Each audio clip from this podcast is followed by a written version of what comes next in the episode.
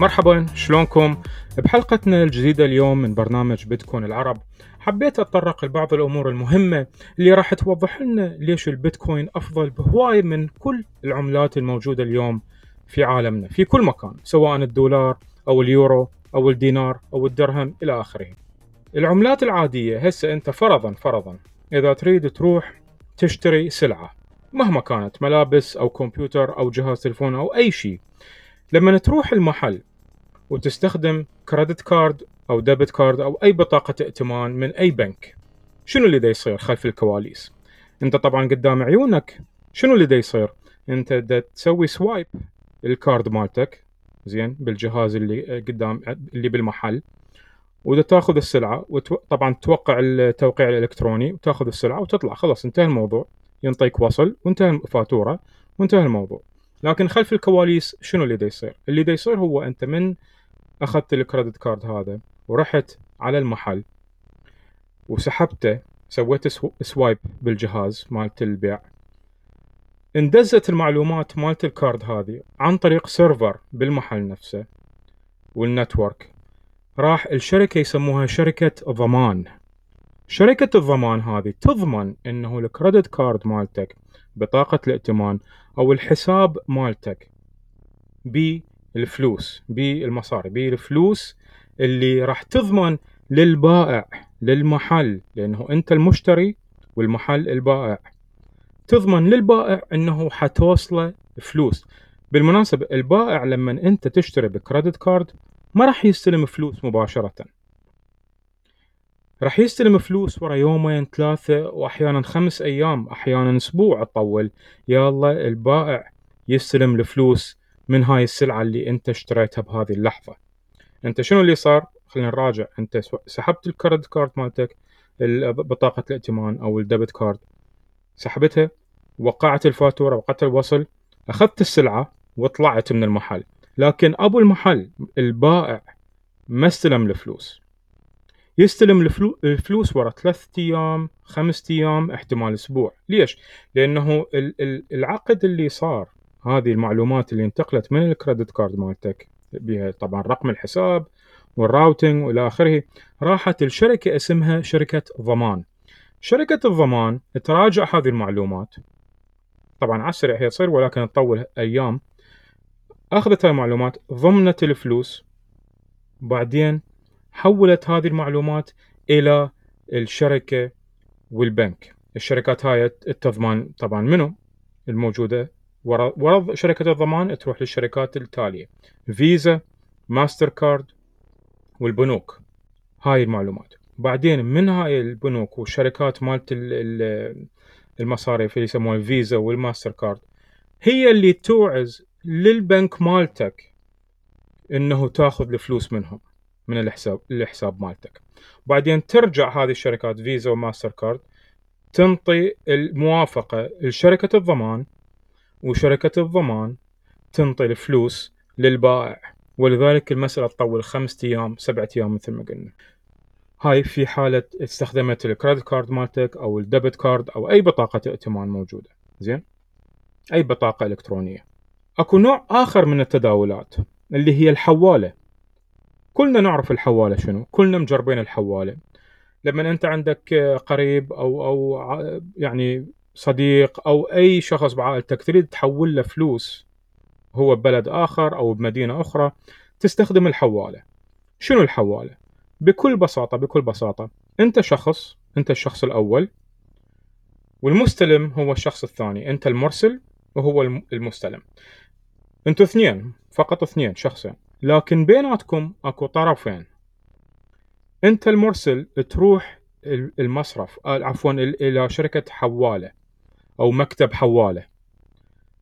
تنطي هذه الفلوس مالتك اللي تريد تحولها إلى مكتب الحوالة. مكتب الحوالة ياخذ معلوماتك ياخذ أي معلومات يريد.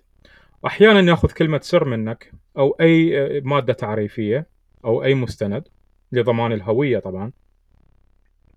من يضمن هذه الأمور كلها ويضمن حق شركة الحوالة المرسلة يدزها الشركة الحوالة للمستلم اللي هي أحيانا يعني معظم الأحيان تكون بمدينة أو بلد المستلم.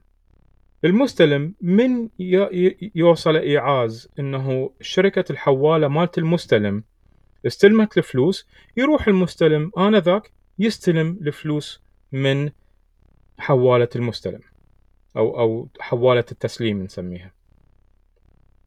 شنو اللي صار بالمرحلة هذه بهذه الشغلة صاروا أربع أطراف في الموضوع. المرسل الشخص حوالة المست... حوالة المرسل بعدين حوالة المستلم بعدين المستلم. شوف أربعة.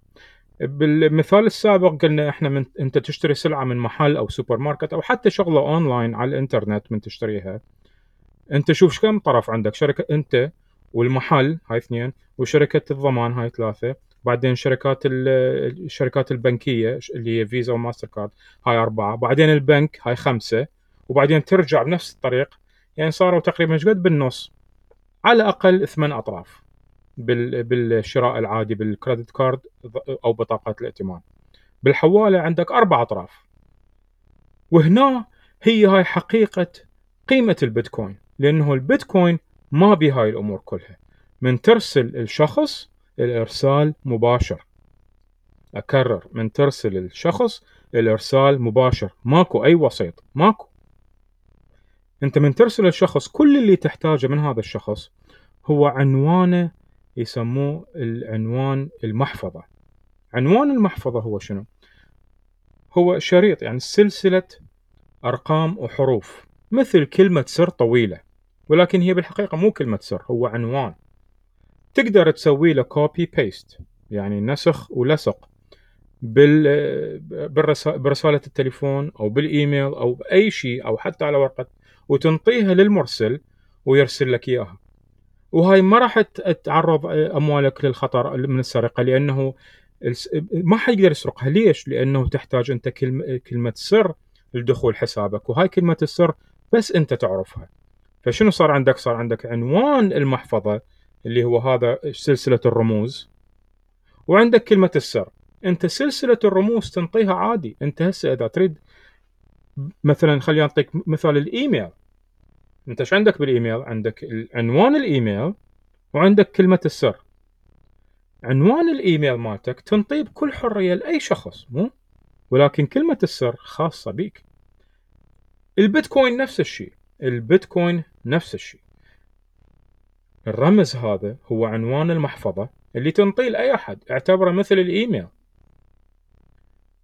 وكلمة السر أو أحيانا كلمات السر بعض الناس يحطون كلمات عدة كلمات سر لمحفظاتهم. هي هاي كلمة سر مالتك. والبيتكوين ما بي أطراف البيتكوين مباشر. ليش؟ لأنه ذكرنا في حلقات سابقة عن طريق البلوك تشين تكنولوجيا البلوك تشين البنية التحتية للبيتكوين تخليك يعني ما تحتاج هاي الشركات الضمان وشركات الشركات البنكية والبنوك نفسها الفيزا والماستر هاي ما تحتاجن بعد. ولذلك البنوك كلهم يخافون من البيتكوين. ليش؟ لأنه البيتكوين دا يعرض ال business مالتهم للخطر. لأنه إذا أنت بعد ما تحتاج البنوك كل اللي تحتاجه هو محفظة وبلوك تشين بعد ما تحتاج البنك يا أخي ما تحتاج البنك. من ناحية الحوالات أيضا مع احترامي كل مكاتب الحوالات مكاتب الحوالات يشوفون البيتكوين تهديد إلهم. لأنه أنت تخيل بعد ما تحتاج مكتب حوالة لتحويل الأموال. مباشرة دز الفلوس من شخص ألف إلى شخص باء. وانتهى الموضوع. كل اللي تحتاجه منه هو عنوان المحفظة مالته. وخلاص. هاي مسألة مهمة. المقارنة ما بين التداولات المالية العادية بين المشتري والبائع وشون المشتري يشتري الشغلة وياخذها والبائع ما يستلم الفلوس إلا بعد خمسة أيام سبعة أيام. الله أعلم احتمال بعض المصارف تطول أكثر. وطبعا الحوالات هاي مسألة أخرى شرحناها. عندك طرفين بالنص ما بين الطرف الأول والثاني. ما بين المرسل والمستلم طرفين أكو. إضافيين يعني أربعة المجموع. بالبيتكوين ماكو. البيتكوين كل الأطراف الموجودة هي المرسل والمستلم. وانتهى الموضوع.